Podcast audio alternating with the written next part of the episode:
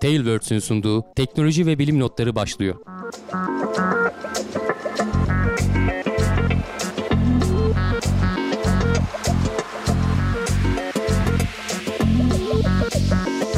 Teknoloji ve bilim notlarına hoş geldiniz. Ben Hamdi Kellecioğlu. Karşımda Cevdet Acarsoy var. Her hafta olduğu gibi yine teknoloji ve bilim alanındaki notları derledik tüm hafta boyunca ve yine karşınızdayız canlı yayınla. Ee, genel duyuruları önceden bir yapayım gene Cevdet istersen. Ee, bize destek olmak için Teknoseyir'e abone olabilirsiniz. Teknoseyir.com böyle abonelik adresinden girip ayda 15 liraya abone olduğunuz zaman sadece bu program değil e, haftalık gündem ve diğer oyun gündemi gibi pek çok programa da destek olmuş oluyorsunuz. Aynı şekilde Gelecek Bilim'de de destek olmak için Twitch'ten abone olabilirsiniz. E, iki platformunda e, izleyicilerin desteğine ihtiyacı var. Senin bir duyurun var mı Cevdet? Evet, e, yok çok güzel durdun Hamdi abi. E, istersen şey de söyleyeyim, teşekkür ederim. E, yeni bir thumbnail görebilirler evet. bu haftadan itibaren. E, birazcık eskisine ufak değişiklikler oldu canlı Eskisinde olması. evet Can'la benim e, kafalarımız vardı. E, sen de geldikten sonra ona bir değişiklik lazımdı. Benim de Gerçi yazı eklediler fontlarından böyle. falan da değişiklik olmuş. Biraz elden geçirmiş. Hı. Uğurcan Bakar'a teşekkür ediyoruz. Evet. Bir öncekini de İlk zaten tasarımı da o yapmıştı. Aynen. İlk tasarımı da o yapmıştı. Bunu da yaptı. İleride de bir iki tane daha e, aklımızda güzel fikirler var Evet. kendisiyle. Şimdiden çok teşekkür Zaten edelim. bir iki tasarım daha paylaştı ama biz ben bu eski tasarımı çok beğendiğim için bu olsun dedim. E, O ona da seni eklemiş olduk. Evet, alternatifleri ben şeyde paylaşacağım. Yani yeni iki tane yaptı. Ee, yeni bir tasarım daha yaptı teknoloji bilim notlarını. Onu ben e, sosyalde paylaşacağım. Ar- Merak eden arkadaşlar görebilir. Kendisine de teşekkür edelim. Ee, ve böylece duyurular herhalde bitmiş oluyor. Bitti evet haberlere geçebiliriz. X'in başına hemen girdim direkt. SpaceX'in başına bir şeyler gelmiş. Bu Starship'in başına bir haller gelmiş. Neler olmuş Hamdi abi? Ee, deneme esnasında patladı. Hatta şöyle videosunu da açayım. Ee, bir yandan görüntüleri girsin. Ee, sağda işte bu SpaceX'in prototipi Mark 1 denilen e, bu geçtiğimiz aylarda Elon Musk bunun önünde bir basın toplantısı yapmıştı böyle e, akşam saatlerinde son derece rüzgarlı bir havada ne dediği anlaşılmadı falan bayağı da uzun Evet, sürmüştü. E, Starship'in aslında hani geleceğini anlatmıştı orada. Bu e, ekranda şu an işte patlayan e, Mark 1 de e, atmosferin dışına çıkmayacaktı ama e, atmosfer yani yaklaşık 20 kilometre mi ne yükselecekti e, yerden. E, ve işte ilk testi olacaktı aslında Starship'in ilk e, prototipinin testi olacaktı. Basınç e, testi sırasında ekranda görüldüğü gibi e, patladı. E, ama e, alevli bir patlama değil. Bu gördüğün gibi şey değil. Yani basınç o içinde sonuçta bunların tanklar var. Yakıtların olduğu tanklar var. Onların yüksek basınca ne kadar dayanıp dayanamayacağını ölçmek için yapılan bir test. SpaceX'in açıklamasında da şey diyorlar. Hani biz e, beklenen sonuçlardan biriydi bu aslında. Hani çok da aşırı beklemediğimiz bir durum değildi. E, zaten test için yapılmış bir şey dediğim gibi. E, ama e, Elon Musk'tan biraz böyle karışık açıklamalar geldi. Ya biz bu Mark 1'i zaten uçurmayı e, düşünmüyorduk. Mark 3'ün e, uçmasını. Şu anda biliyorsun iki tane daha yapılıyor aynı anda. Mark 2 ve Evet, Mark 3. aynı anda geliştiriyorlar. E, Mark 2 mi Mark 3 mü? Mark 3'tü galiba. E, yörüngeye çıkacak versiyonu olacaktı. Biz asıl onun fırlatılmasını planlıyorduk. İlk onun uçuşunu planlıyorduk dedi. Mark 1'in uçmasını beklemiyorduk dedi. E, bu ama e, kafalarda şeyi de uyandırdı. E şimdi Mark 2 de mi uçmayacak o zaman? Onunla ilgili bir açıklama yok. Bir yandan hazırlandı işte motorları falan takıldı içine. E, belki onu da bir basınç testi içini falan mı deneyecekler? Ne yapacaklar bilmiyorum. E, gerçek yakıt da acaba- doldurmuyorlar galiba bu basınç testi sırasında. Kriyojenik tabii. e, nitrojen ve şey. Nitrojen veya oksijen diyorlar. Hani tam açıklamada yapılmamış haberde. E, sonuçta o tanklar var bunun içerisinde. O tankların yapıları falan da e, daha önceki Falcon 9'dan falan biraz daha farklı. Daha büyükler zaten. Çok daha büyükler. E, onların testleri esnasında böyle bir olay geldi başlarına. Elon Musk'ın Evet. bir sözü var. Eğer işte böyle olaylarla karşılaşmıyorsan yeterince yenilikçi değilsindir diye. E, Evet. O bahaneye sığınarak e, sen bir tane de ek Yani- şey eklemişsin aslında. Onu da şöyle Evet, ekrana o görüntüsünü boyutu getireyim. çünkü benim kendi aklıma da geldi. Yani özellikle şimdi bu bizim Starship diye gösterilenin tek başına gitmiyor. Altına o zannediyorum işte Falcon 9'lardan biri mi diye bilmiyorum, bilmiyorum tam. Altta bir tane daha Yok e, bir- bir Falcon roket 9 daha değil. var. Falcon 9 o şu an kullandıkları roket. Bunun Tamam, altına evet. gelen e, evet yani Fal- Big Falcon roket diye geçiyor zaten hemen tamamı. Altında Hı. booster diyorlar ona. Ee, asıl Hı. 37 tane Ya falan bu tek motoru başına olan. gitmiyor. O yüzden bunun tam özel tam uz- uzunluğu böyle değil. Burada Şöyle bak şu ekrandaki gibi. resimde görüyorsun. Bak şu üst Heh, kısım. o zaman aynen Şu an ikisi e, Starship dediğimiz kısım şu fareyle gösterdiğim bölüm zaten. Yaklaşık hı. 55 metre falan olması planlanıyor. Bu Mark 1 o kadar yüksek değildi az önce ekranda patladığını gösterdiğimiz. Alt kısımda booster dediğimiz asıl e, itki gücünü sağlayacak bu Mars'a falan gitmek için bu gerekiyor. E, Mars'tan dönmek için tek başına Ay'dan veya Mars'tan dönmek için tek başına Starship yeterli oluyor onların e, kütle çekimleri az olduğu için dünyaya göre. E, Evet. ama e, buradan işte Mars'a veya Ay'a gitmek istersen bu iki şeyi birden kullanman gerekiyor. İkisi de dikey olarak dünyaya geri dönebiliyorlar bu arada. Hmm, Tabii bu güzel. booster kısmı çok çok daha güçlü. Gördüğün gibi hem daha büyük hem de e, üst Hı. kısımda 6 motor varken galiba alt kısımda 37 motor falan olacak. E, bu Raptor motorları ki onlar zaten şu ankilerden de daha güçlü. Ama gördüğün gibi toplam uzunluk 118 metre. E, Saturn 5'ten falan daha uzun olacak tamamlandığında. Hani e, tam tabii kafada canlanmıyor işte şöyle gerçi burada uzunluklar fit cinsinden verilmiş ama önemli değil. E, şöyle karşılaştırmaya bakarsan şu solda gördün e, Big Falcon'un booster kısmı. Şu yurtta küçücük görünen de insan işte bir insan boyutuyla karşılaştırdığında e, bu kadar e, arada fark var. Yani Evet. e, bilmiyorum hani 118 metreyi işte yaklaşık 3 Bu metreden resimde 3'e bölsek e, Özgürlük anıtı falan da vardı. Özgürlük anıtı var var ama işte yani. onları da hani görmediğimiz için aslında Görmediğimiz çok bir anlamı yok. Yani doğru. insanla karşılaştırmak en güzel. Şurada bu Evet. haberde tıklayıp şöyle şeylere bakabilir. Mesela fille karşılaştırılınca böyle. Aslında hepsi birbirine oranlı olduğu için e, fark etmiyor zaten dediğim gibi. E, insanla karşılaştırmak en iyisi. Devasa bir cihaz. Yani bunu e, sen üzerine insanları bindirip indireceksin falan. Kocaman bir kule falan da yapman lazım. Yani Tabii. 40-50 katlı bina gibi düşün. Yani Hı hı. 10-15 katlı apartmanlar uzun gelir bize. Ee, Evet. Bu alet gerçekten çok büyük bir şey olacak. Ama Şimdi- e, Mars'ta kolonileşmeyi düşünüyorsan hani Elon Musk'ın hırslı planlarını hedefine koyduğunu düşünürsen bundan yüzlercesi gerekiyor. Yüzlerce sefer yapmak gerekiyor. Tabii. Şimdi bu şeyi konuştuk yayından önce. Ee, YouTube'dan izleyenler orayı tabii duymadı. Yayından önce konuştuk. Onları da izlemek isterseniz Twitch'ten izleyebilirsiniz. Ee, ya da canlı izleyeceksiniz. Bu e, Cybertruck'ın camının kırılması meselesini biraz konuştuk ve şey Hı. demiştik hani buradaki hatayı acaba fırsata mı çeviriyorlar ya da bilerek mi hata yapıyorlar e, halkla ilişkiler için?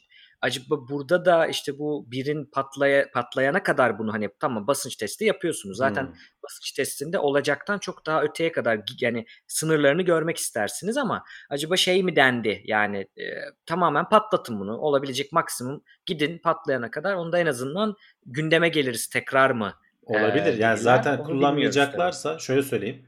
Şimdi planlarımızda bunu kullanmayacağız. Mark 3'ü kullanacağız demişti ya Elon Musk. Eğer zaten kullanmayacaklarsa bu kadar geliştirdiğin bir aleti ilgi çekici hale getirmek için En gayet güzel mantıklı yolu değil mi yani? Ee, ama ben pek de ihtimal vermiyorum açıkçası. Bence test ederlerken beklenilenden farklı Tabii. bir sonuç oluştu. ya da işte çevirdi. O da daha mantıklı. Kötü çıktı ama hemen onu fırsata çevirdiler. Bir de Evet. Şey gibi o zaman paralel yani geliştiriyor bana hep bir örnek i3, i5, i5, i7 gibi bir hani mantık geldi yani hepsini geliştirelim. Mark 1, Mark 2 test için olsun ama onlar da en azından erken olduğu için görücüye çıksın, tanıtılsın. Asıl Mark 3 ile biz devam ederiz gibi mi düşündüler? Tabii onu hani henüz bilmiyoruz ama Yani yok gibi şimdi galiba şey çok e, çok yeni tasarımları falan denedikleri için e, biraz da Hı. aslında yollarını bulmaya çalışıyorlar. E, o yüzden e, bir tane Paralel yapıyorlar. Yaparlarken mi? evet yani hatta iki takım biraz böyle rekabet halinde olsun falan filan diye de düşünmüş olabilirler. Ha bu Hı arada bu hafta içerisinde NASA'dan bir açıklama geldi. SpaceX'in e, Ay'a iniş için 5 firmadan biri olduğu. E, Ay'a kargo taşıyacak falan 5 firmadan başvuranlardan biri olduğunu falan açıkladı. Hı. Hani şaşırmadık zaten bekliyorduk açıkçası ama Evet. ee, bir tanesi e, hani firmalar belli zaten işte Boeing var, e, Blue Origin var Jeff Bezos'un firması, Hı hı. e, SpaceX var. Bir iki tane de ta- tam ismini bilmediğimiz firmalar var. Evet. Askeri belki firmalardır. ha- Hava, havacılık uzay firmalarıdır. Evet böyle yani SpaceX'in e, bu konuda herhalde daha da çok söylenecek bir şey yok. Evet. Gene uzaydan gidiyoruz. Bir sonraki habere geçelim istersen. Nature'da yayınlanan bir makalede e, astronomlar e, Titan'ın çok detaylı bir bu sefer haritasını çıkarmışlar. Tabii ki oradan çok fazla gene daha önce de konuşmuştuk bunu. Yani artık bilimde data çok fazla toplanıyor. Dağlar kadar veri toplanıyor. Hı hı. Bu verilerin içerisinden hani o madencilik gibi veri madenciliği diyorlar ya gidip neredeyse ben kendi merak ettiğim soruyu bu büyük veriye soruyorum.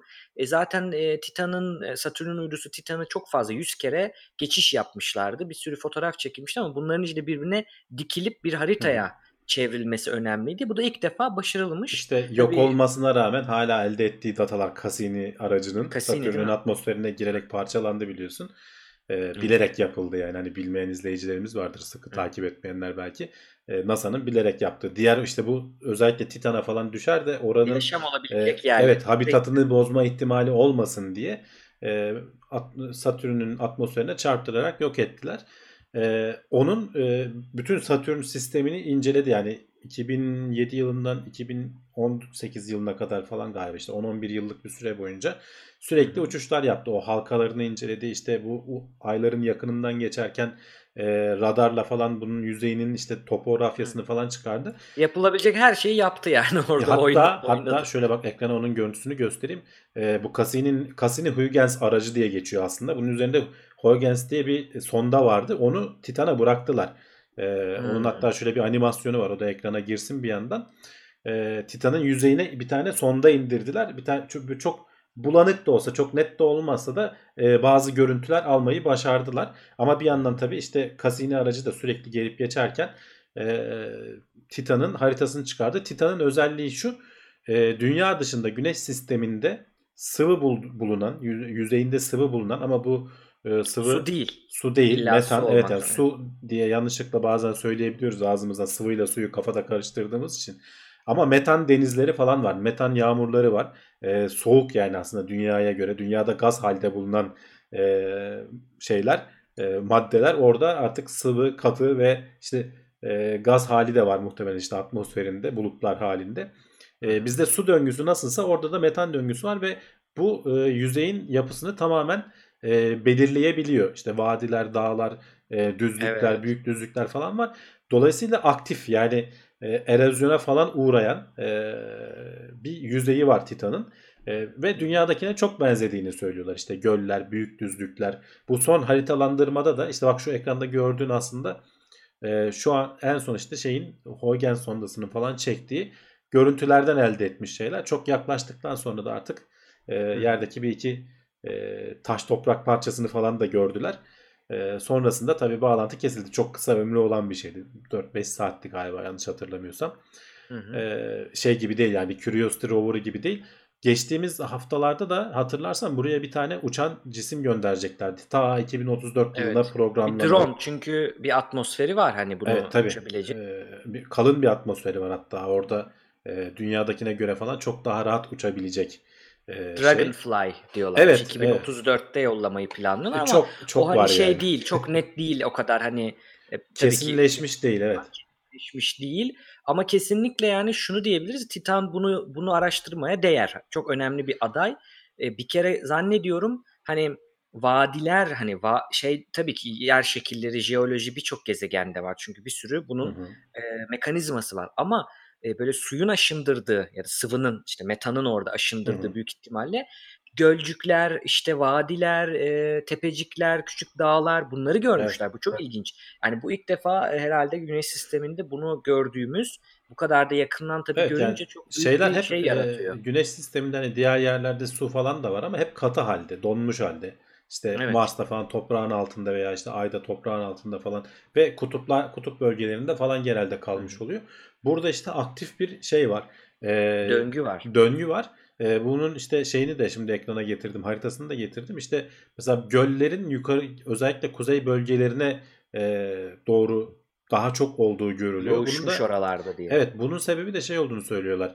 Ee, Satürn'ün eliptik bir yörüngesi var. Dolayısıyla e, Titan'ın da e, yaz mevsimi e, kuzey e, kürede daha fazla, daha uzun sürüyormuş. Hmm. Dolayısıyla orada daha sıvı hale dönebiliyor demek ki e, şeyler e, metan. Normalde bayağı soğuk şey bir yer orası aslında hani.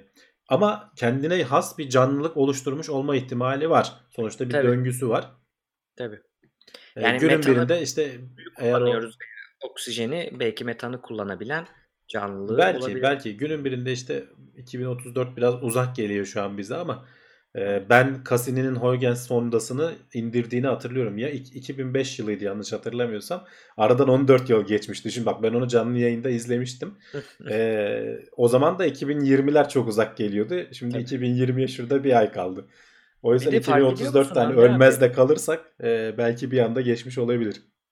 Ben lisedeyken falan düşünüyorum. eee, ya çok eski zamanlar değil, o kadar yaşlı değilim ama hani şundan böyle bir 5, 6, 7 yıl evvelsine baktığımızda şey düşünüyorum. eee, yani gez- dünya dışı bir e, e, gezegende, güneş sisteminde e, sıvı veya su bunlar çok hayal gibi geliyordu ama artık işte kutuplarında ayın belki olduğunu biliyoruz, Mars'ta kesinlikle olduğunu biliyoruz. Bir sürü bunlar çok çabuk gelen aslında çok daha bizi böyle ne bileyim şaşırtması gereken ya da çok çabuk alıştık yani buna. İlginç. Belki de tabii teknoloji bilim haberlerini takip etmeyenler aa bir dakika hani su mu var diyebilirler ama bunlar çok keşfedildi. Özellikle o giden de hem sondalar hem de artık çok güzel bir görüntüleme Hı hı. yöntemi Ya var. Hatta, hatta- altında tuzlu su e, Mars'ta mıydı? A- Altı, yüzeyin altında tuzlu su olabileceğini. Evet o yani- vadilerden falan sızmış kenarlarından falan e, hatta şeydi senin dediğin pardon e, uydudan e,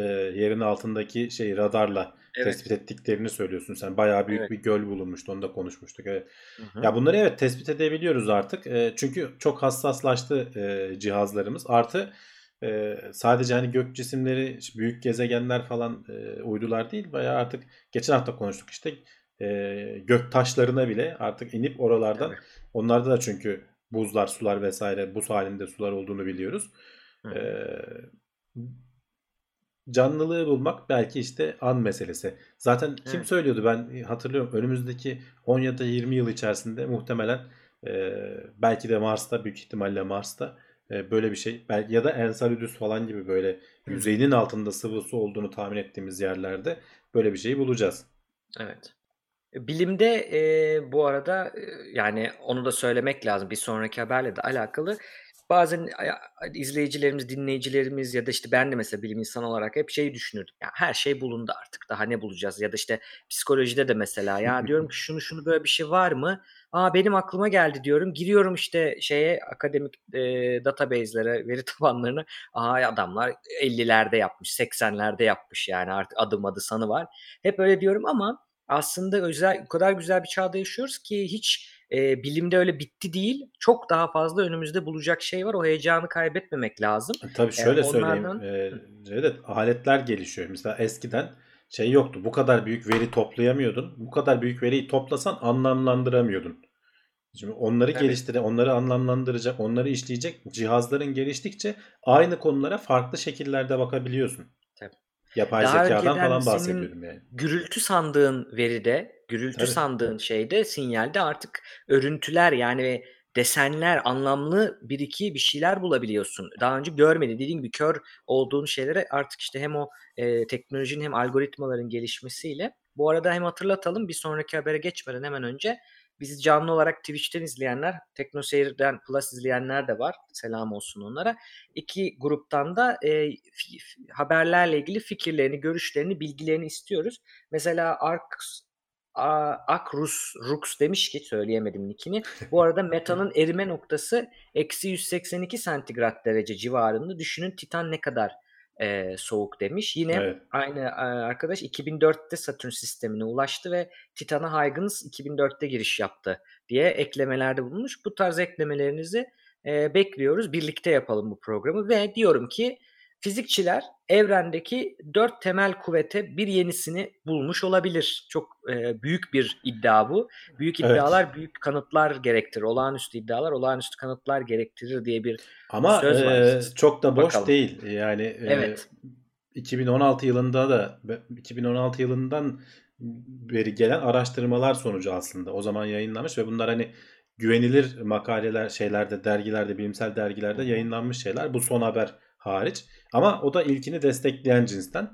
Evet. Ee, hani dört tane temel kuvvet dediğimiz şeyler ne? Aslında orada da kozmik anaforun çok güzel bir yazısını sen Ekledim onu ben. koymuşsun. Evet, güzel bir merak yazısı eden, var. hani biz şimdi burada bütün Evet. ayrıntılarına giremeyeceğiz ama merak edenler bunu okuyabilirler. Bir kere elektromanyetik kuvvet, e, bu işte ışık vesaire falan e, çok gördüğümüz, Orada çok bildiğimiz bir şey. Bir ekleme yapayım çok pardon başlamadan.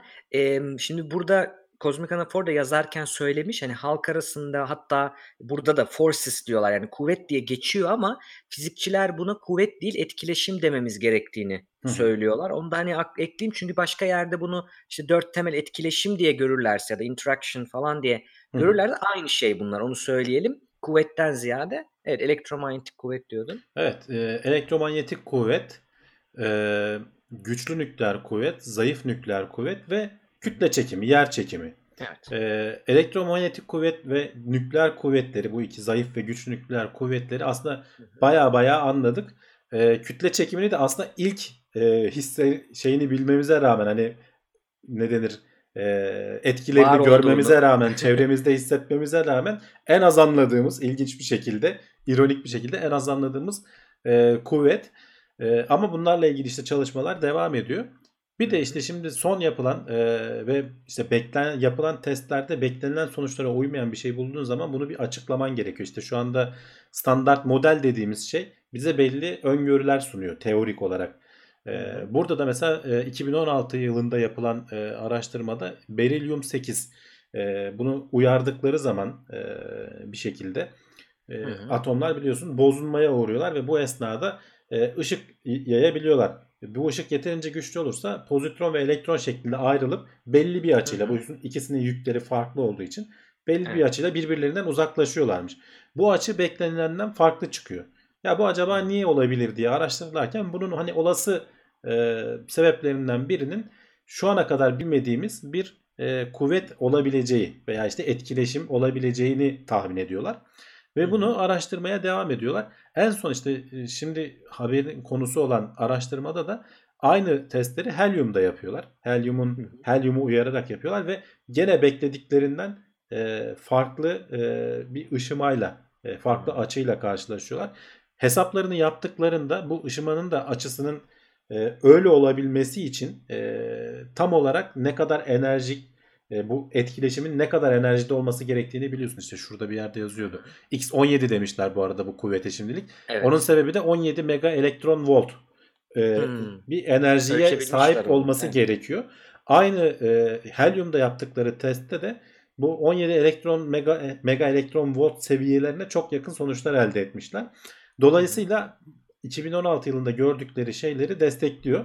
Ama e, kendileri de hala söylüyorlar. Az önce senin de dediğin gibi bu e, çok büyük bir iddia e, ve Evet. ciddi sonuçları olacak. Dediğim gibi az önce standart model dediğimiz şeyi değiştirebilecek, e, ona belki ek yapabilecek şey ve şu anda hani arada e, konusu geçiyor işte karanlık madde, karanlık enerji falan gibi şeylerden bahsediyoruz. Bildiğimiz evrenin %96'sını oluşturuyor bu ikisi. Evet. E, geri kalan bütün bizim bildiğimiz madde enerji %4 gibi bir şeye sığıyor. E, e, geri kalanı an- bilmiyoruz ve bilmiyoruz, anlayamıyoruz. Karanlık adı o yüzden. Elimizdeki modeller bunlara bir anlamlandırmamızı sağlayamıyor şu anda. Belki Hı işte henüz bilmediğimiz ve işte az önceki haberde de dedim ya hassasiyetleri artıyor ölçümlerimizin falan. E, yeni yeni şeyler keşfedebiliriz. E, belki bildiğimiz şu ana kadar 4 kuvvet değil de 5 var. Belki 6 var günün birinde yenileri de çıkacak. Ama tabii bunların bilimsel yöntemlerle ince eleyip sık dokumalardan geçtikten sonra sonuca varılması gerekiyor. Şey olacağız mı Hamdi abi? Bizim zamanımızda Plüton 9 gezegen vardı. Bak bilim gelişti. Şimdi benim zamanımda 4 kuvvet, Kuvvet vardı. vardı, Ne oldu şimdi oldu. diyeceğiz mi Ama acaba? bak dediğin doğru bak Plüton'da da aynı şey yaşandı. Başka Plüton Evet. gibi büyük gezegenler yani gök cisimleri gördüğümüz zaman ya hepsine gezegen diyecektik ya da farklı hı. bir sınıflandırma yapacaktık orada. O yüzden Plüton gezegenlikten cüce gezegenliğe araya, araya bir şey uydurmak zorunda kaldık. Değil mi? Oraya düşmüş oldu. Hı hı. E, Burada da benzer Bunlar bir çok şey büyük var. keşifler tabii. Dediğin gibi yani adamlar bunu önce bulmuş.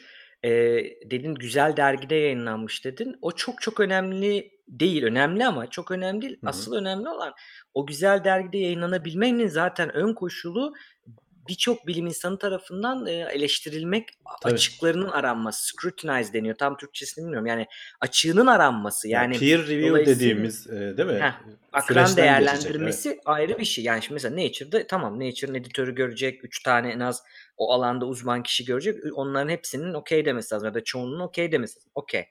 Tamam e, demesi lazım. Ama e, bir de yayınlandıktan sonra da iş çok başka. Bu sefer bütün bilimsel camiaya onu sunuyorsun o alana. Onlar bir sürü e, ek yapıyor. Mesela çoğu zaman dergilerde erratum diye bir şey görürler veya işte reply answer gibi bir şey görürler reaction'ı. Nedir yani? O birisi bulmuştur onun hatasını.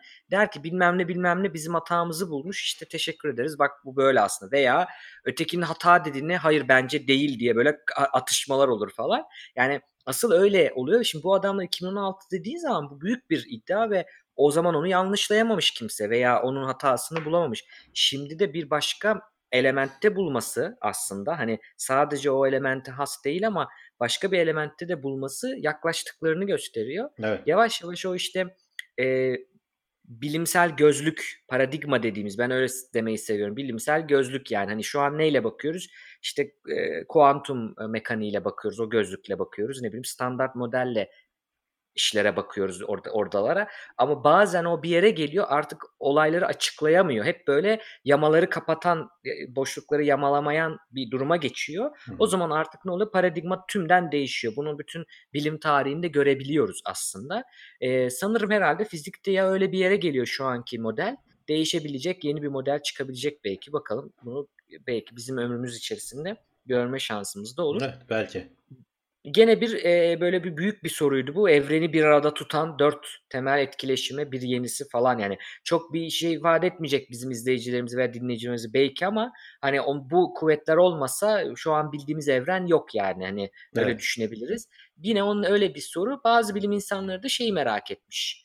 Ee, evrendeki ilk renk neydi? Hani evrenin var ilk başına gidebilseydik o Big Bang'ten saniyeler sonraya ya da çok çok daha da sonraya bir gidip baksaydık acaba orada biz Hı hı. biz gör- insan gözü açısından çünkü İnsan gözü açısından evet. bir şey evet ama insan gözünün gördüğü renkler açısından ne renk görürdük Ya o diye düşünmüşler. mesela hani bu az önce sen de aslında aynısını söyledin. Hani bu haberin başlığı falan hiçbir anlamı yok aslında mantıken bakarsan. Çünkü Evet. insan açısından değerlendiriyorsun tamamen. Renk dediğin şey bizim e, o elektromanyetik e, dalganın boyunu algılamamızla alakalı. Yani ilk hı. renk dediğin zaman e, insan gözüyle bizim yani niye bizim o illa o dalga boyunu algılamaya çalışalım ki değil mi? Hani evrende sonuçta elektromanyetik dalgalar belki ilk baştan beri vardı yani. Ama bunlar güzel bir zihin jimnastiğidir. E, çünkü bak burada e, haberin ayrıntılarına falan bakarsan e, aslında çok teorik şeylerden bahsediyoruz. Çünkü hani Evet. gidip kimsenin onu gözlemlemesi falan söz konusu değil. Ama milisaniyelerine kadar Big Bang'de neler olabileceğini tahminen Tabii. biliyoruz. Teorik açıdan biliyoruz. Hani 13.8 milyar yıl önce kabaca yaşanmış bir şeyin e, ilk 10 saniyesinde mesela e, fotonların bile olmadığını biliyoruz. Çünkü o kadar e, sıcak ki fotonların oluşmasına imkan sağlamıyor. 10 saniyesinden 10. saniyeden sonra foton evreni denilen evrene geçiyor ama Evet. E, hala Yine göremiyoruz. o hala kadar sıcaklık sıcak ki çok olduğu için e, fotonlar hareket edemiyorlar. Daha doğrusu yayılamıyorlar. E, bir böyle plazma içinde hapsolmuş şekilde duruyorlar. Bunun daha fazlası olması gerekiyor ve ta 380 bin yıl geçmesi gerekiyor. Bunun o seviyelere gelip de fotonların artık serbest kalıp. Bu da aynı zamanda şu anlama da geliyor. Biz eğer hani teknolojimizi çok geliştirip zamanda geriye baksak da e, Hı. teleskoplarla en erken 380 bin yıla kadar görebileceğiz. Daha öncesini Evet. göremeyeceğiz. Çünkü e, bu işte sıcaklıktan dolayı e, ışığın e, bir yayılımı nevi söz konusu transparan değil. değil, yani. Transparan değil evet katı. Evet. E, Aynen. şeyi e, opak deniyor değil mi? E, katı Evet. yanlış oldu. E, ışığı geçirmiyor. Transparan hali 380 bin yıl sonra geliyor ve işte o zaman e, kabaca sıcaklığını tahmin edebiliyoruz ve e, sıcaklık gök cisimlerini biliyorsunuz e, ışıması sıcaklıkla bağlantılı. Hı hı. Ee, ve rengi de dolayısıyla onunla bağlantılı. Ee, ve e, böyle şu an hatta o, o kadar zaman geçti ve bu soğuma e, devam etti. E, kel, 0 Kelvin'in 3 derece falan üstünde şu anda işte bu kozmik arka plan ışınımı dediğimiz şey. Bunu çok hassas aletlerle ölçebiliyoruz. E, o zamanlar ama tabii işte yaklaşık 3000 Kelvin falandı diyorlar bu sıcaklık. İşte Hı. evimizdeki 60 wattlık bir ampulün böyle sarımsı bir ışığını düşün. Ee, Hı hı. o renk ilk evrendeki e, ışık. Bizim renk Bu da pardon çok ışık demeyin Yani renk. Yıldızları mesela uzaktan bakıldığında astronomiyle ilgilenmiştim bir ara. Yani giriş dersi gibi almıştım. Hani orada bakıldığında çok ilginç hani yıldızların renkleriyle sıcaklığını, e, sıcaklığını bilirsen o sıcaklığı oluşturabilecek kütleyi tahmin edebiliyorsun gibi Evet. böyle bir sürü hani astronominin beni büyüleyen tarafı çok ufacık verilerden çok büyük çıkarımlar yapabilmek aslında. Yani onun böyle hani ıncığını cincığını sonuna kadar kullanabilmek. Şimdi burada da renk sıcaklığı deriz ya hani işte şu kadar Kelvin bir sıcaklıktır, şu kadar K'lık ampuldür falan derler hatta. Ee, özellikle işte belki Murat abi bilecektir fotoğrafçılar falan ona dikkat ederler renk sıcaklığı açısından. Ya da Photoshop yapanlar da hani renk sıcaklığının aslında bir Kelvin değeri var. Aslında sebebi bu ısı, ısıyla değişiyor. Dediğin gibi bu resmi var orada. O o anda göre yani görünebilen ilk renk görülebilmeye başladıktan sonra insan gözünün görebileceği ilk renk bayağı turuncumsu. Evet. Bir resmi de var Ee, orada ve gösterebiliriz belki. gitgide de soğudukça e, kırmızıya doğru kayıyor. Bu arada mesela renkler de ters çalışır. Hani bizde algımız e, sıcak dendiği zaman kırmızıya kayar. E, ama aslında e, gök Aslında cisimlerinde maviye kayıyor gibi. evet maviye kayıyor. Ne kadar sıcaksa o kadar e, mavimsi bir renge doğru kayıyor.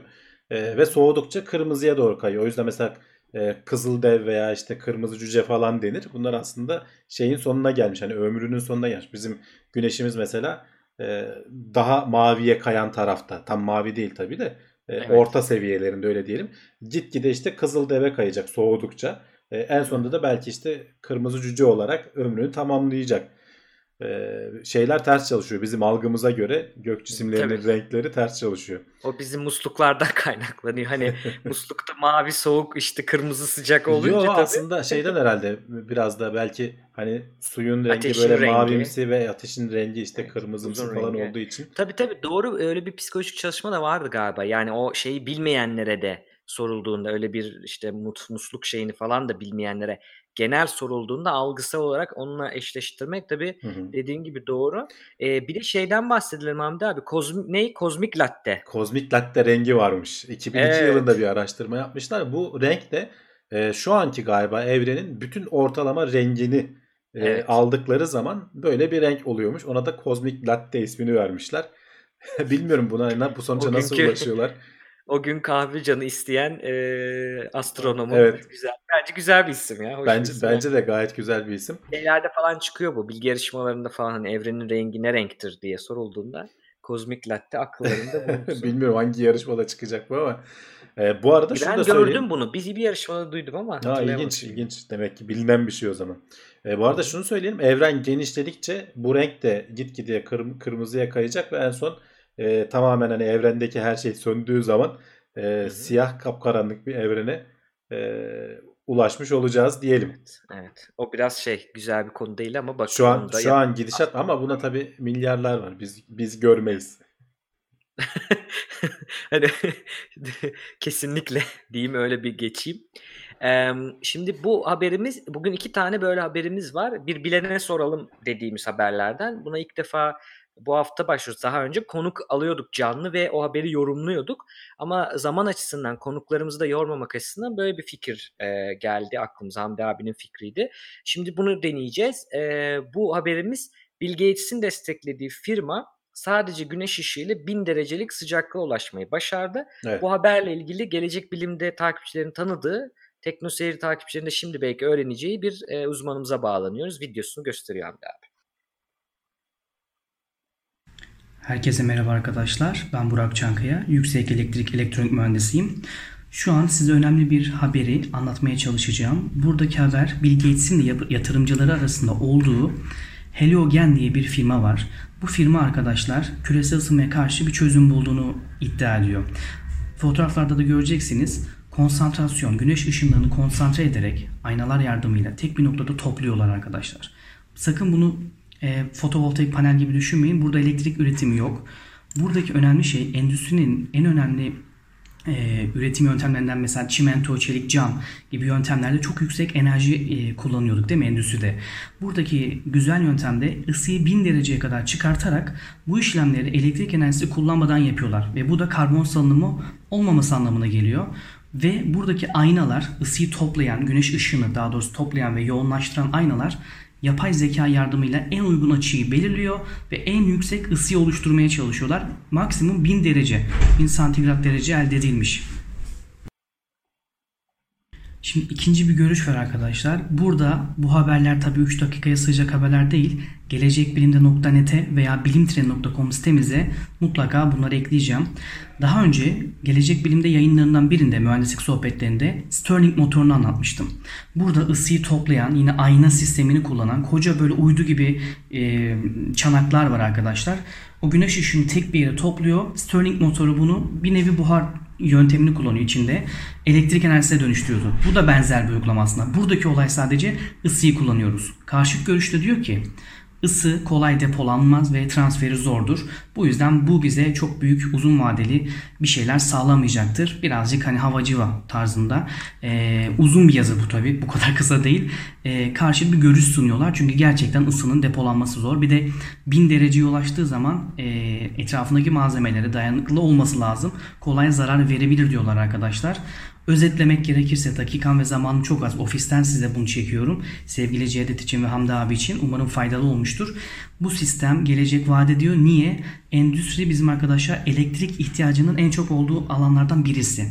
Ve burada e, bu yöntemi kullanarak elektrik enerjisini kullanmıyoruz. İşin güzel yanı bu. Küresel ısınmaya ve karbon e, salınımına karşı güzel bir yöntem ve Bill Gates de bunları destekliyor. Evet, Burak'a teşekkür ediyoruz. Ee, konuyu güzel açıkladı sağ olsun. Ee, Evet. Yani şeyde yazıda şu istatistik paylaşılmış Cevdet. Ee, %25'i biz hep güneş enerjisi dediğimiz zaman e, elektrik aklımıza geliyor ama bu dünyadaki karbon salınımının %25'i falan. Geri kalan %75'i sanayiden bahsediyorum tabii.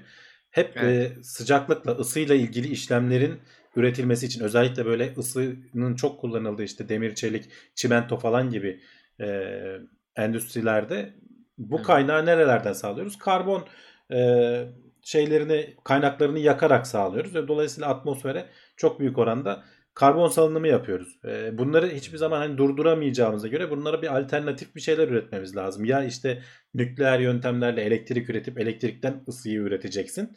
Ya da işte böyle güneş zaten sana gelen bedava güneş ışığını toplayıp bir şekilde doğru bir yere kanalize ederek e, bunu kullanacaksın. Şimdi 1000 derece çok yüksek bir sıcaklık. Hatta ince ayar çekersek 1500 dereceye ulaşacağız diyorlar. E, Evet. burada işte bunları yaparken de bu aynaların hepsini yapay zeka ile falan kontrol ederek e, tek bir noktaya odaklıyorlar. E, orada Burak'ın söylediği bir şey doğru. Sen şimdi bu 1000, 1000, 1000 derece 1500 derece seviyelerine ulaştığın zaman onu orada o şekilde tutacak e, bir hazneye ihtiyacın var. E, tam olmayacak şeyler değil ama o sıcaklığı işte içinde nasıl geçireceksin falan. Bayağı karmaşık işler.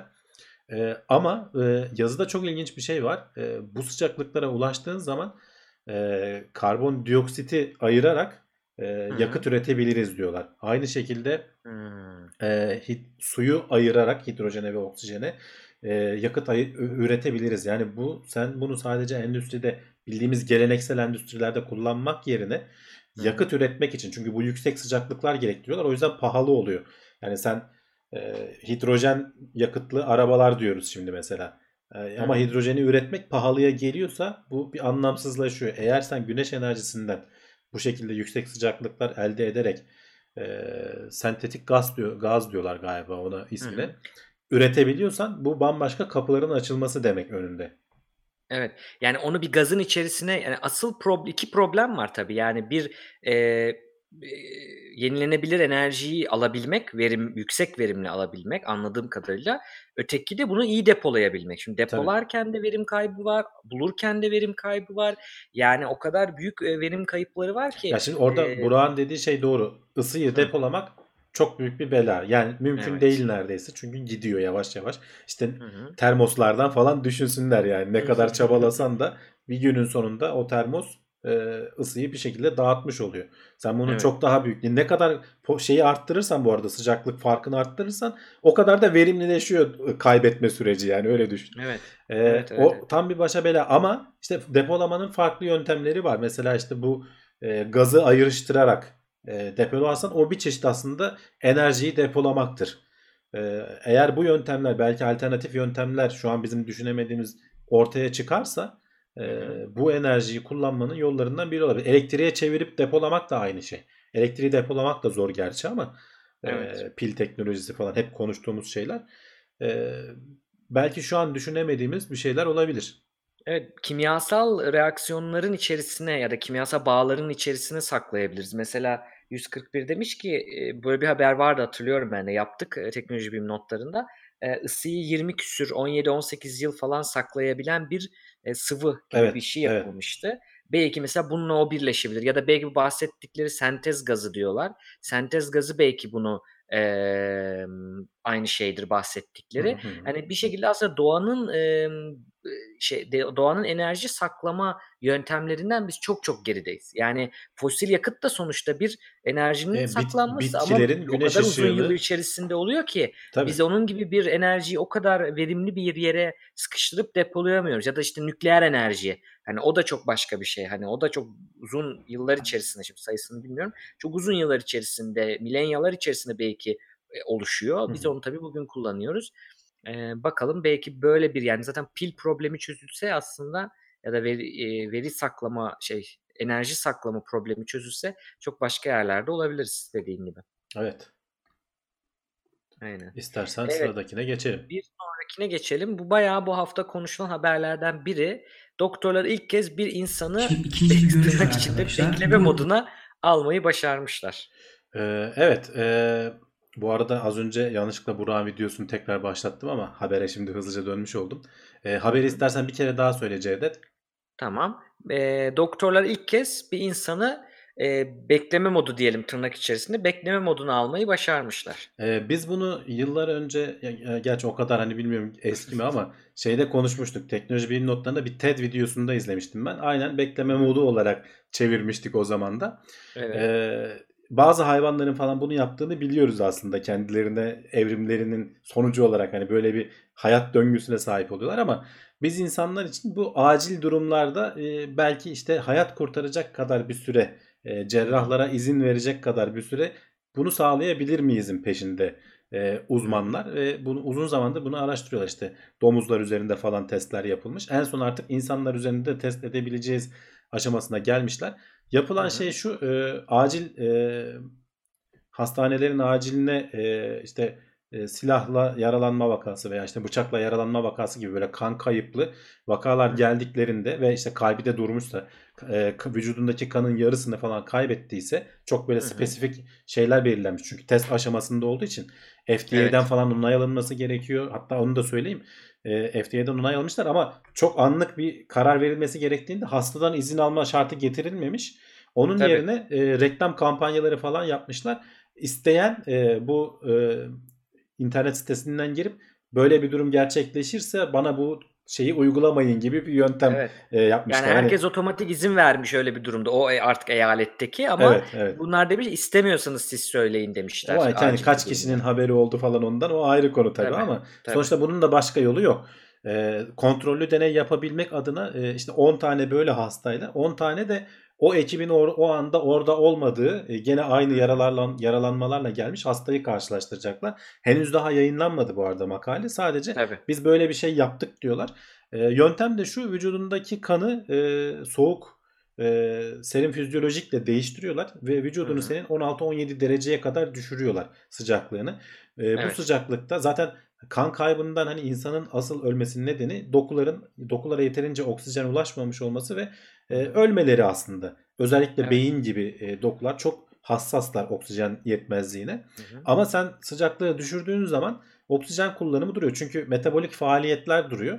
Bu arada hani vücudumuzda da 16-17 derece çok düşük. Yani senin vücudun on- 3-4 hatta- derece düştüğü zaman ölüm riskine giriyorsun öyle söyleyeyim Tabii. yani. Hipotermiye girebilir ama daha da düşürüyorlar. 10-15 diyor ve hani aslında burada önemli olan zaten hani o adam gidecek ya da işte kadın kimse hasta ama şimdi bunu 10-15'e getirdiğinde aslında o kimyasal reaksiyonlar gerçekleşmesi gereken işte oksijenle ilgili şeyler yine gerçekleşiyor. Yoksa çünkü beyni kay- beyin 5 dakikadan sonra falan gidiyor. Çok yavaşlamış Ama oluyor. yavaşlıyor. Yavaşlayınca bu sefer daha az oksijen e, gerekiyor. Benim ilgimi çeken bütün kanı hani e, bütün kanı bu kadar soğuk bir tuzlu suya değiştirdiğinde ya da işte salin ya da işte serum fizyolojikle değiştirdiğinde e, nasıl bunlar bu şey alıyor bu hastalar e, oksijeni veya e, başka gerekli e, yani hücreler nasıl çalışıyor ben Yani onu hala anlamış değilim. ellerindeki oksijenle idare edebiliyorlar herhalde. Benim aklıma o geliyor. Onu Bu yani. arada şey söylüyorlar hani kazanılan sürede 2-3 saat hani ameliyathaneye alıyorlar hemen seni.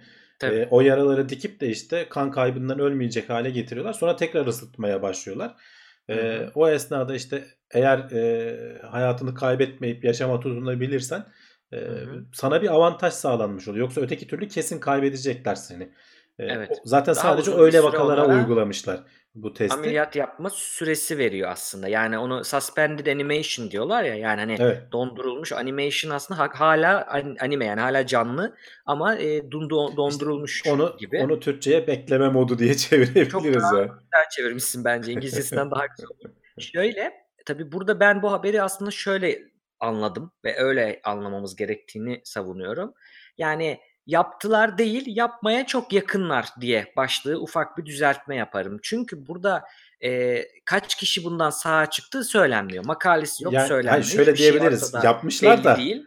başarılı olmuş mu ondan emin değiliz Heh, yani. yani sonuçta bunu deneye de denemeleri tabii çok önemli. Bunu ben değerini düşürmek için hiç söylemiyorum ama Tabii tabii. acele de etmemek lazım. Yani doğru bilim iletişiminde yani bunu e, tabii ki onların ne bileyim daha çok fon alır, FDA daha çok onaylar ya da tabii ki bir, bir halkla ilişkiler tarafı mevcut. Ama hani ben bunu şöyle söylerim. Yani insanlar for the- hani ilk defa yapıldıdan ziyade ilk kez bekleme moduna almayı çok yakınlar. Evet. Demek çok daha doğru çünkü e, emin değiliz buna. E, birazcık Ama hani ben iyimserim. Ee, çünkü dediğim gibi Tabii, tabii, domuzlar üzerinde falan e, deneyler falan gerçekleştirip hani başarılı sonuçlar elde ettiler ki insanlara geçebilmişler. Tabii. Yani e, FDA sonuçta yani bazı şeyleri çabuk veriyor ama bazı şeyleri de zor tabii bu tarz araştırmalar ama hani dediğim gibi ben bunu hala bir bilim insanı olarak gör- görmem gerekiyor. Yani bir, şey çıksın, insan eleştirsin. Bir makalesi çıksın Ondan hele sonra diyorsun. tabii.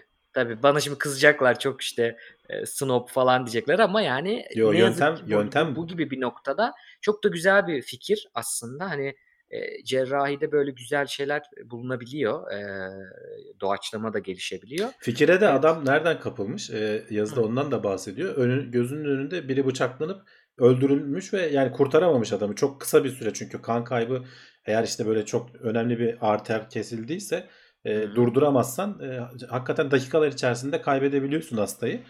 E, Evet. öyle bir olaydan sonra ya biz bunu nasıl engelleriz düşünürken böyle bir yöntemle e, sonuca ulaşmayı düşünmüş. İnşallah başarılı olur. Tabii. Biz de tabii ki evet olmasını isteriz. Çok da yaklaşmışlar. Devam etsinler deriz. Daha çok belki başka araştırmalarda yapılıyordur haberimiz olmayan.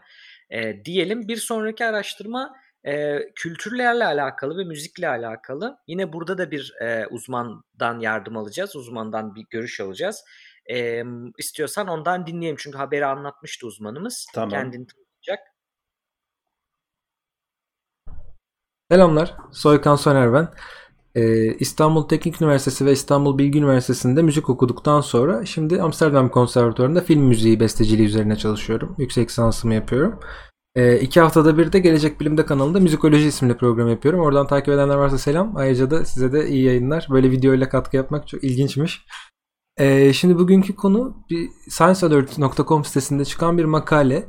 Ee, Michel Starr'ın 22 Kasım tarihli makalesi. Diyor ki bilim gösteriyor ki e, müzik aslında hepimizin anlayabileceği evrensel bir dil olabilir. E, böyle bir tez var ortada. Araştırmanın detayları şöyle. 315 farklı kültürden etnomüzikologlar e, eserler toplamış. Etnomüzikoloji nedir? Etnomüzikolog nedir? Bu e, şöyle diyebiliriz. Aslında müziğin kültürel boyutunu, toplumsal boyutunu inceleyen bir bilim dalıdır etnomüzikoloji.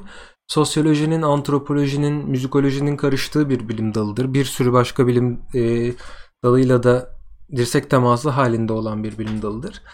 E, etnomüzikologlar 315 farklı kültürden e, kayıtları toplamışlar, transkripsiyonları, notasyonları toplamışlar ve e, şöyle bir inceleme yapmışlar. Kültürler arası bir bağ var mı? E, bir farklılık, benzerlik var mı? Çünkü bunlar birbirini tanımayan insanlar tarafından, birbirlerinin kültürlerine aşina olmayan insanlar tarafından beslenmiş eserler. Ve 5000'in üzerinde e, şarkı bulmuşlar. 2000'den fazlasını çevirmişler ortak bir dille muhtemelen İngilizceye. E, 60 farklı kültürden ve 30 farklı coğrafi bölgeden e, parçalar database'e veri tabanına girmiş. Şimdi çıkan sonuç şöyle ilginç. Aslında tahmin etmesi çok zor değil ama bunun bir e, araştırmayla kanıtlanmış, incelenmiş olması çok hoş. E, çoğu kültürdeki ninniler, dini müzikler, dans müzikleri, aşk müziklerinin e, benzediği ortaya çıkmış. Şu açıdan bana mantıklı geliyor. Zaten bunun için çok fazla müzik bilmeye de ihtiyaç yok. Yani bir ninni düşünün. Ne olması lazım müzikal olarak bir ninninde? Bir kere çok e, ağır bir ritmik yapı olmaması lazım. Yani ninnide öne çıkan şeyin ritim olmaması lazım. Tatlı, hoş, kulağa güzel gelen bir melodi olması lazım. Nedir? Tercihen yavaş bir tempo arzularız. Çünkü uykuya dalacağız. Onun dışında dans müzikleri yine ilginç gelmiyor. Yavaş ya da hızlı dans müzikleri tabii ki var ama danstaki en önemli öğenin de ritim olduğunu biliyoruz. Yani aksak ritimlerle, aritmik e, ritimlerle dans etmek çok mümkün değil. E, Türk kültüründe de 5-8'lik, 7-8'lik ölçü zamanlarında değişik ritimlerde danslar ediliyor ama buradaki e, mevzu aslında danstaki temponun, ritmin çok değişmiyor oluşu. E, bunu dini müzikle de çeşitlendirebiliriz. Aslında burada en çok ayrışacağını düşündüğüm şey benim dini müzikti. Fakat farklı dinlerin e, müziklerini düşündüğümüz zaman aslında mesela kilisede, Hristiyanlıkta daha çok koro ön plandadır. E, İslam dininde daha çok solo, tek ses, e, unison ilahiler vardır. Bunları çoğaltabiliriz ama aslında işin vardığı e, noktada genelde müzikal öğe, öğe olarak burada vokal kullanıldığını görüyoruz dini müziklerde. Bu önemli. Ee, onun dışında aşk şarkılarından bahsedilmiş. Aşk şarkıları çok muhtemelen hepimizin de tahmin edebileceği gibi e, inanılmaz hızlı tempolarda değil. E, sözleri belli bir şeyi anlatıyor. Yani her kültürde aşk şarkıları aşağı yukarı aynı şeyi anlatıyor. Aynı dertlerden muzdarip ve müzikal olarak da aynı şekilde benziyor. E, genel olarak toparlayacak ve yorum yapacak olursam dünya üzerinde melodiyi kullanmayan, ritmi kullanmayan kültür neredeyse müzikal anlamda yok denecek kadar az.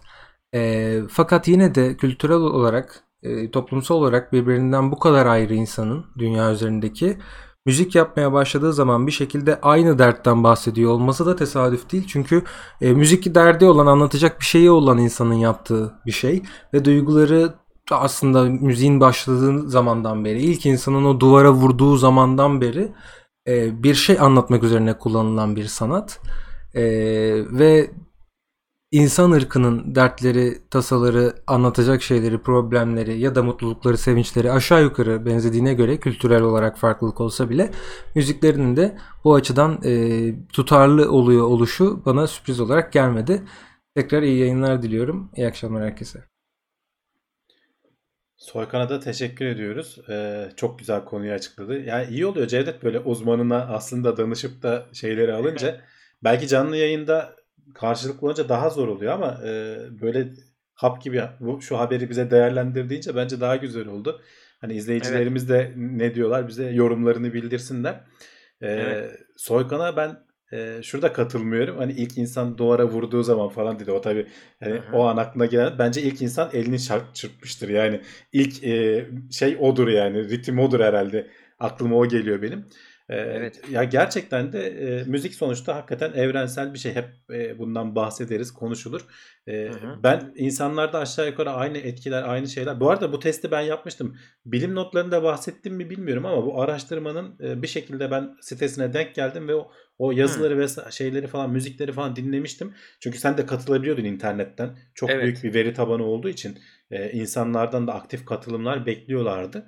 E, ve gerçekten tahmin edebiliyorsun hangisi. O kadar da kolay değil ama onu da söyleyeyim. Yani Hı. şeyler falan çok belirgin.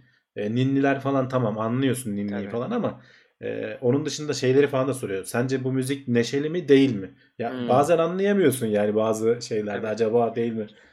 orada çok güzel bir deney. Biraz da onun için almak istedim. Bu arada linkini koyacağız.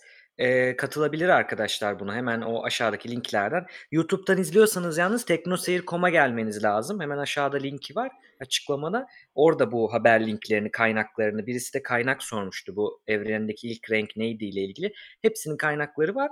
Eee, hani bir hafta yanlış link mi koysak diyorum Hamdi abi fark eden çıkacak mı diye merak ediyorum ama bakanlar da var biliyorum. O yüzden oradan baksınlar katılabilirler o linkle.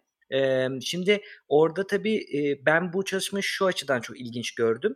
Bir kere insanların ben e, hangi ülkede olursa olsun hani dünyanın o şehirden, o mahalleden, o ülkeden ibaret olmadığını anlamasının çok önemli olduğunu düşünüyorum günümüzde. Bu çok da büyük bazı sorunları da çözebiliyor. Bakış açımızı çözebiliyor. Bir örnek mesela ben buna sahip değildim. Eee, yani ama böyle bir şansım oldu işte yurt dışına geldim. E, ondan sonra mesela şeyi fark ettim. Bizim Türkiye'de çok ay biz çok böyle bu konuda çok eksiyiz. Ya işte biz hep böyleyiz falan dediğimiz konuların aynısının da burada olduğunu ve insanların hiç öyle biz Hollandalılar bu konuda çok kötüyüz falan dediklerini duymadım. Dolayısıyla bazı konularda bakışınızı çok güzel yerlere getiriyor. E, burada da öyle yani biz tek kendi kültürümüzü, kendi şarkılarımızı bilmekten ziyade burada dinledikleri zaman görecekler ki neşeli mi dediğin gibi neşeli mi değil mi? Yani Aa böyle de bir kültür varmış. Bilmem ne kültüründe de e, insan acısını böyle anlatıyormuş. Bu bence çok güzel bir e, deneyim olabilir arkadaşlar. Hem de bu testi alarak bilime katkı sağlamış Bizde de ama her şey var canım yani. E, sevenleri sevdiğine vermediler diye göbek attığımız şarkı var yani bizde de yani acıyı her zaman böyle şey anlatmıyoruz yani. Evet, evet, evet. Tabii canım. Biz de o kültürlerin hani önemli bir parçasıyız yani. Türk müziği önemli bir şeydi. Persepoli abone olmuş bu arada. Teşekkür ederiz. Onu söyleyeyim. Şimdi em, ne Bu diyecektim? şeyi ben merak ediyorum Cevdet. Senin o konuda bir bilgin var mı? Olmadı haftaya belki fikri takip bölümü olarak Evet, onu her hafta yapabiliriz. oluyor. Hayvanlar üzerinde acaba e, müziğin etkisi hiç mesela denk gelmedim. Ben gerçi kendi beslediğim kedilerde falan da hiç e, müziğin etkisini gözlemlemedim aslında. Belki haftaya buna biraz bakıp gelebiliriz. Var mı böyle bir araştırma? E, ne tarz müzikler neyle sonuçlanıyor falan. İzleyicilerimiz Hı belki hı. kendi deneyimlerini paylaşabilirler yorumlarda. E, ilginç deneyimleri varsa. Haftaya Evet. da bunu konuşalım derim. Ben not aldım onu şimdi. Ee, izleyenlere yorumlarını bekleriz. Ee, Teknoseyir.com'da teknoloji bilim notlarında malzeme diye bir etiket var. Bazen bakıyorum ona güzel şeyler.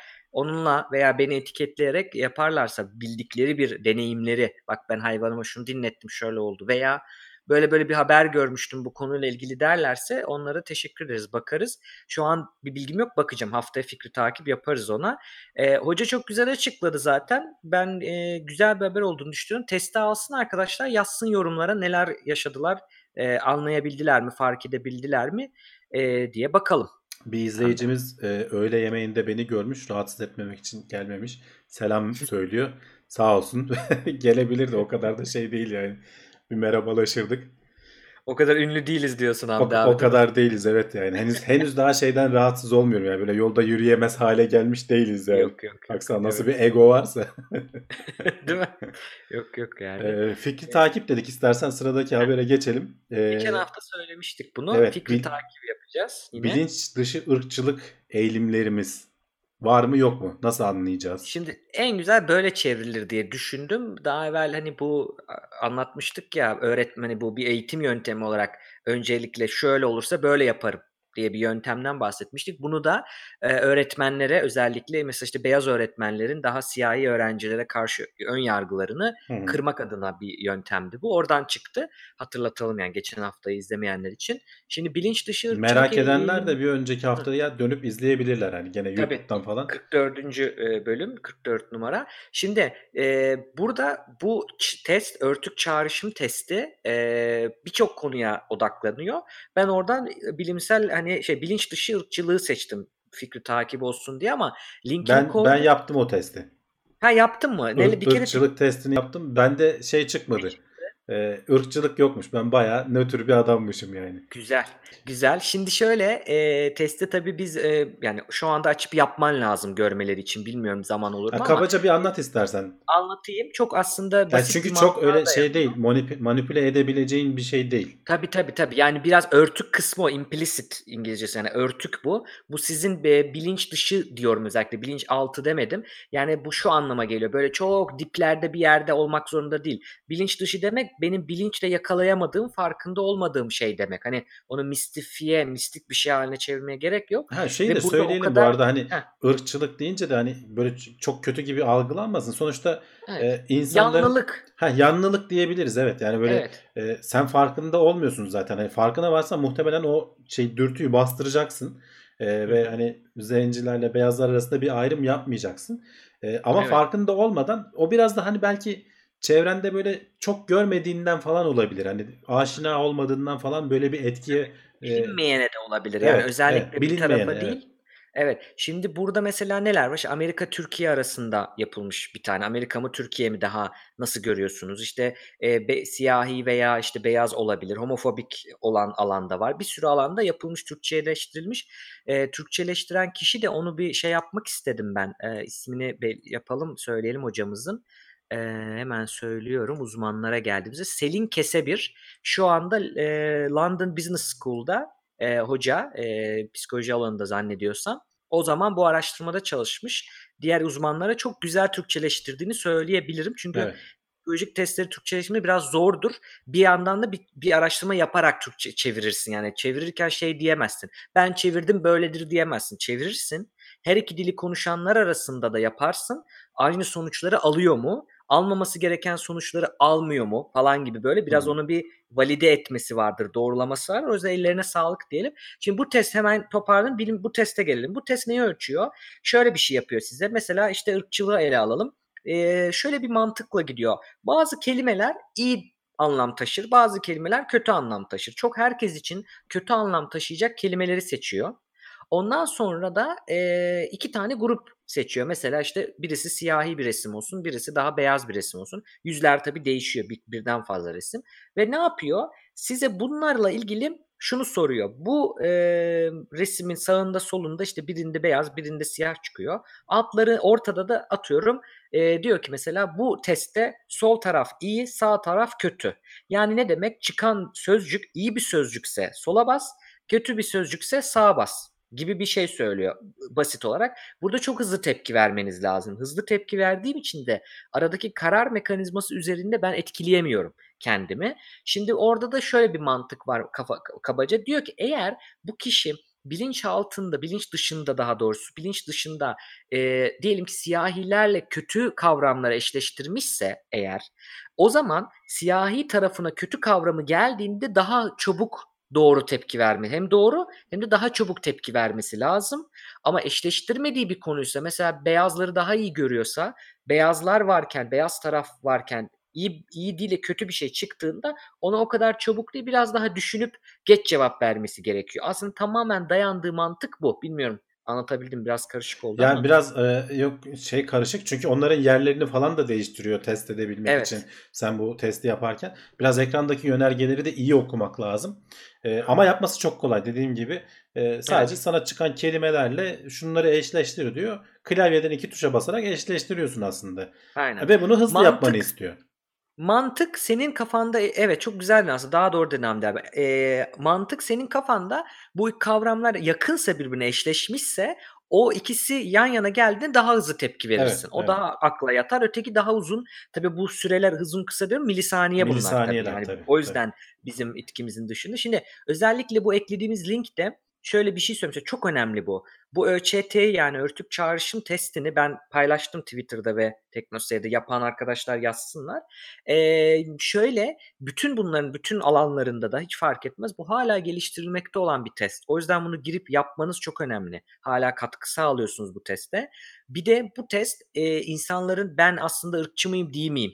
Ya da birini işe alacaksın atıyorum işte ırkçı mı değil mi, homofobik mi değil mi? Bunları anlamak için kullanılabilecek bir şey değil. Kesinlikle bu amaçla kullanılamaz, kullanılmamalı diyor. Bunu hazırlayan insanlar. Peki niye yapılıyor bu? Şunun için belki de hiç fark etmediğiniz bir şey fark ediyor. Mesela şey var. Kadınlar mı erkekler mi bilimde, fen bilimlerinde daha iyi?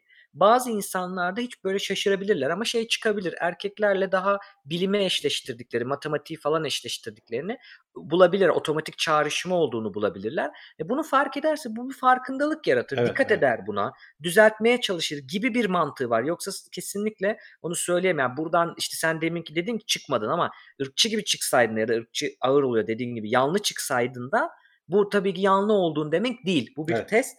Testin bir e, doğruluk payı var. Her alanda olduğu gibi yani bir hata payı var. E, bu yüzden dikkat edin ama çok ilginç bir konudur. O yüzden linkini yine ekliyoruz bunun da öteki test gibi. E, doldururlarsa dediğim gibi hem bilime katkı sağlamış olurlar gelişmesine hem de kendilerini denerler. E, e, dikkatle onları ekrandaki şeyleri dikkatle okuyarak e, yapsınlar. Bakalım neler çıkacak. Yorumlara da yazsınlar. Bekliyoruz. Evet. Evet. Bir sonraki Sıradaki habere haberimiz de geçelim. Balinalarla alakalı. E, Evet, Türkçesi kambur balinalar. Kambur balina. Heh, kambur balinaların. E, ölümden dönmüşler. Daha doğrusu nesillerinin tükenmesinden. Evet. Şöyle hatta oluşan- ekrana görüntülerini de göstereyim. Hani tam olarak hangisi olduğunu merak ediyorlarsa görebilirler. Ee, soyları tükenmek üzereydi. Sebebi de işte bu balina avcıları. Özellikle Hı hı. işte Japonların falan kötü bir ünü vardır bu konuda.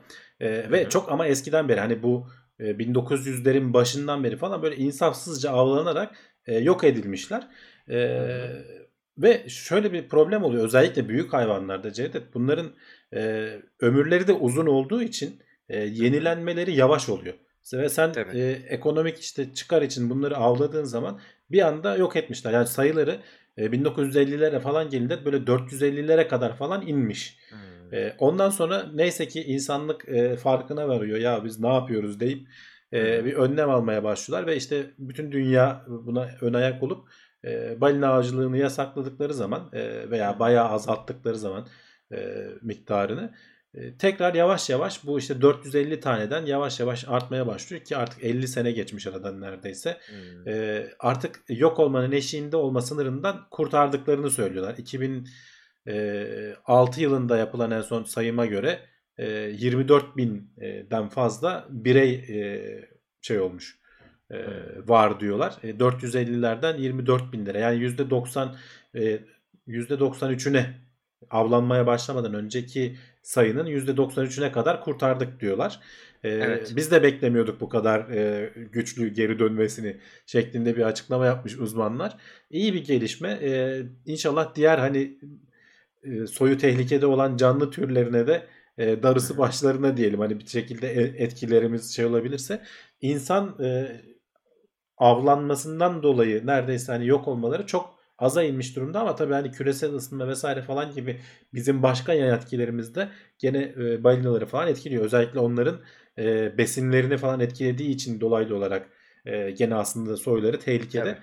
Ama hani o uluslararası standartlar falan var ya işte tehlikedeki hayvanlar işte az tehlikedeki hayvanlar falan veya çok tehlikedeki hayvanlar gibi böyle bir sınırlamaları var. Kategorileri şimdi tam hatırlayamıyorum ama onlardan Hı bir tanesinden en azından kurtarmışız.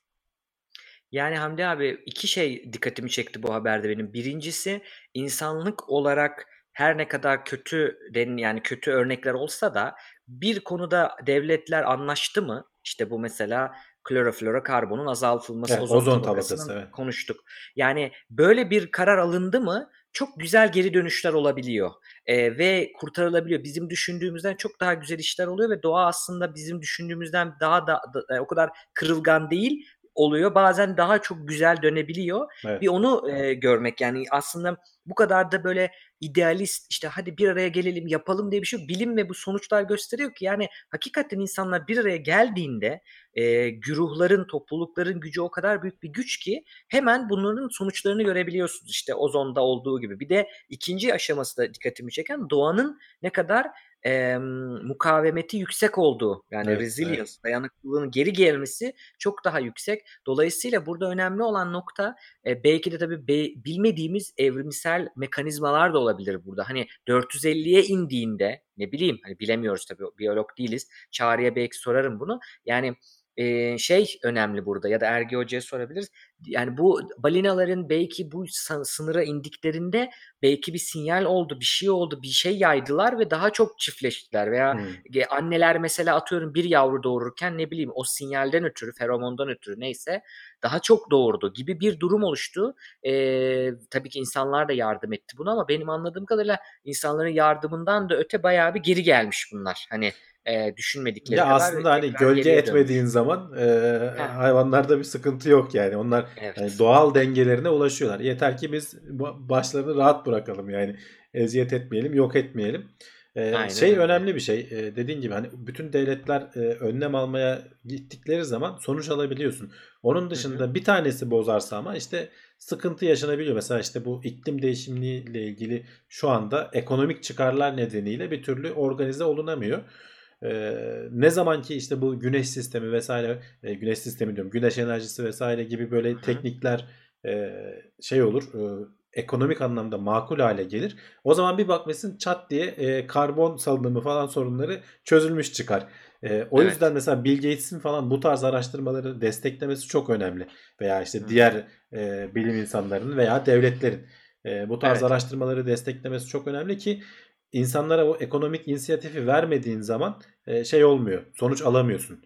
Çünkü öteki tarafta Çok tatlı doğru. para var karşısında. Ne kadar böyle insanlık, işte, ay, doğa, moğa falan da desen, eee, günün sonunda para ağır basıyor. Herkesin kafasında öyle bir şey oluyor. En azından devletler bazında Devlet diyelim. niye gerekli? İşte, bu buralarda o şirketleri durdurmak için. İşte, bu konuşuldu YouTube'un çocuklarla ilgili durumunu mesela. Yani evet. oralarda devletler bunun işin içine karışmasaydı asla hiçbir firma bunu, yani, hiçbir firma kalbinin güzelliğinden, eee, yapmaz. Hani, öyle diyeyim, Yapmaz, kendi evet. iyiliğinden yapmaz. Eee, bu arada Bill Gates dedin, onunla ilgili de bir dizi önerisi vereyim. Zaman zaman böyle kitap, dizi öneriyoruz. Aklıma da geldi benim okurken bu, eee, Burak'ın yorumladığı haberi. Bill Gates'in tabii nükleer enerji konusunda, temiz su konusunda, tuvalet konusunda bazı girişimleri var. Bu Bill Melinda and Bill, eee, Vakfı var, Vakfı, evet. Melinda ve Bill, eee, Gates Vakfı var, eee, eşiyle birlikte. Yani ben o vakfı çok daha böyle, işte, adam artık, parasını kazandı, oturdu kenara, işte, biraz da biraz, işte, Takılıyor diye. filantropistlik, filantropi diyorlar ya ona, yani Evet. insan, eee, sevici mi ne, anlama gelir, nasıl çeviririz onu? İyilik için. İyiliksever, yardımsever İyilik diyebilirsin. yardımseverlik yapıyor diye düşünürken, şöyle Yok, bir bayağı sıkıntı var. çalışıyor. Adamın bir kere adamın o kadar büyük bir serveti varmış ki bu vakıf kurulduğu anda bir kere daha kurulur kurulmaz dünyanın en büyük vakfı oluyor otomatikman. O kadar büyük para çünkü geliyor ki yüzde bayağı bir büyük bir kısmını aktarmışlar oraya. Acayip bir anda, hani, dünyanın hiç bilinmeyen bir anda ofisiyle birlikte dünyanın en büyük vakfı oluyor Hı ve hı.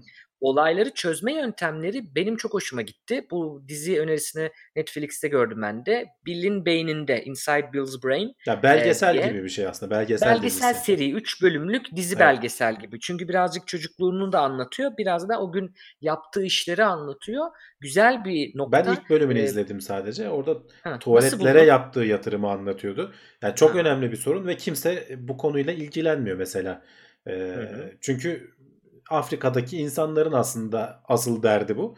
Eee, ama Evet. sonuçta, eee, Bill Gates bir gün kahvaltıda bir gazetede okuduğu küpürden, eee, haberden şey yapıyor yani. Ya, hakikaten buna bir eğilsek mi? Ve gerçekten çabalıyorlar. Yani gidiyor doğru insanları buluyor. Tabii.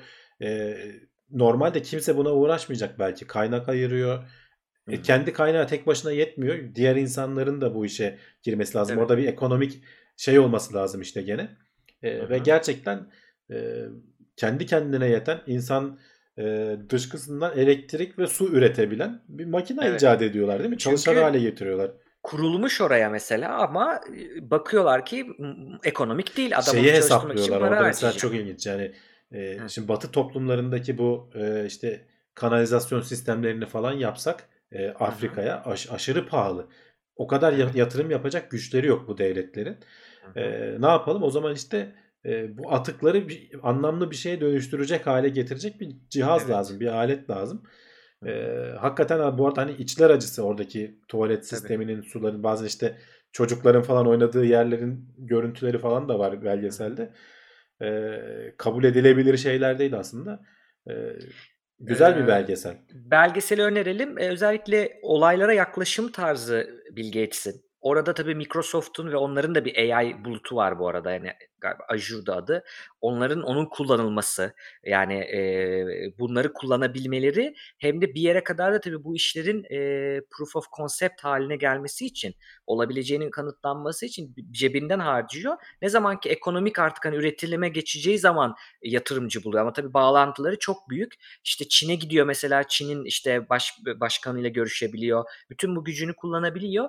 E, baktığınızda e, biraz da tabii şey bir belgesel. Benim sevdiğim üzere e, kritik de giden bir belgesel. Yani yaptığı hataları da yüzüne vuran Bill Gates'in kötülüklerini de gösteren, açıkça soran bir e, belgesel. Tavsiye ederiz. İzlerlerse e, yorumlarını bizde paylaşsınlar diyelim Hamdi abi. Bak bir izleyicimiz e, Sedat Net 11 mi? Aa Sedat Hoca bu arada. Sedat Hoca ODTÜ'de fizik bölümünde bizle e, eğer Ya- doğru tahmin ediyorsam Sedat Net'i e, kendisi. Tuvaletlerin çok önemi var demiş. İnsanlık tarihinin en önemli buluşlarıdır. Ee, zira bu sayede insanlık o ömrü ortalama 20 yıl Evet. uzamış diyor. Gerçekten de hani o bulaşıcı hastalıkların falan önlenmesi açısından düşünürsen e, hani tuvalet dediğimiz kanalizasyon sistemiyle beraber düşüneceksin hı. Ee, çok hakikaten çok önemli. Yani ha- şeylerde de mesela Çanakkale Savaşı'nda falan da hep bahsedilir ya e, ölümlerin çok büyük bir kısmı savaştan dolayı değil e, şey e, sıhhi ortamın olmamasından dolayı işte bu dizanteri, difteri falan gibi hastalıklardan Hı hı. falan kaynaklanıyor. Savaşlarda falan en çok e, karşılaşılan sorunlardan biri bu. E, ortam olmadığı zaman e, işte sağlığını kaybediyorsun. Gerçekten de 20 yıl Evet. eklemiş olabilir. Hani o rakam nereden geldi bilmiyorum ama hakikaten olabilir. Evet Mesela yani çok e, o- şeyi verilmeyen bu arada aklıma geldi o örneği söyleyeyim. E, önemi bilinmeyen şeylerden biri de mesela buzdolabıdır yani soğutma teknolojisidir. E, 1900'lerin başında falan hani yaygın kullanılmaya başlanmış yanlış bilmiyorsam. E, o olmasaydı günümüzde şehirleşmesi falan mümkün değildi. Yani öyle bir çalışma hatırlıyorum ben de şimdi kaynağı yok hani çok net fikir rakam vermeyeyim ama bizim hiç düşünmediğimiz şekilde insan ömrünü uzatan ortalama ömrü işte 70'lerdeydi en son ona çıkaran acayip e, da- tahmin etmeniz yani birçoğu çok büyük kısmı hijyen. Yani hijyen teknolojisinin hani biz biraz bunu biraz işte batı hijyeni çok aşırı temizler falan gibi görsek de hijyenin çok büyük e, ölümlerde ömrü uzatmada çok büyük etkisi olduğunu bulmuşlar. Evet. Bu, bu arada bir yorum daha e, Yegenek demiş ki bu kambur balinalarla ilgili popülasyon 450'ye düştükten sonra 2024 binlere çıksa bile e, Hı hı. genetik çeşitlilik azaldığı için e, eski Tabii. tadını vermez gibi yani böyle kabaca okuyorum. Onun sözü değil ama doğru söylemiş yani. O eski tadını Evet. vermez yani. Genetik çeşitlilik azalmış oluyor. O 450'den tekrar hani binlerce yıllık, milyonlarca yıllık evrimin değil de o 450'den sonraki genetik çeşitlilikten dağılıyor oluyorsun.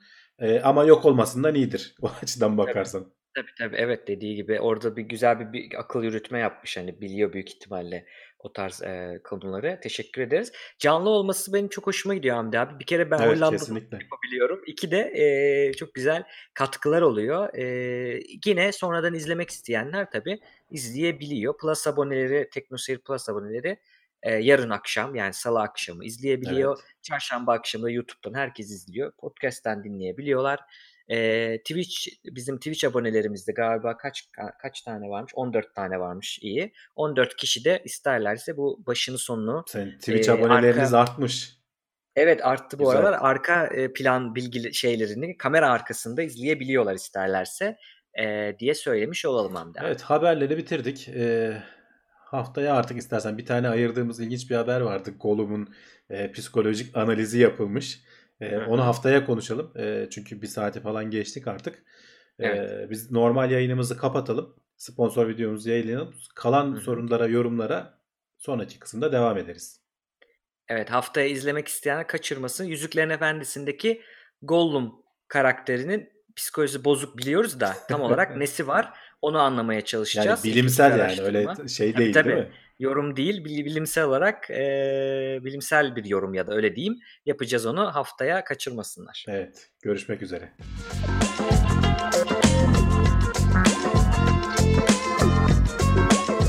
Tailwords teknoloji ve bilim notlarını sundu.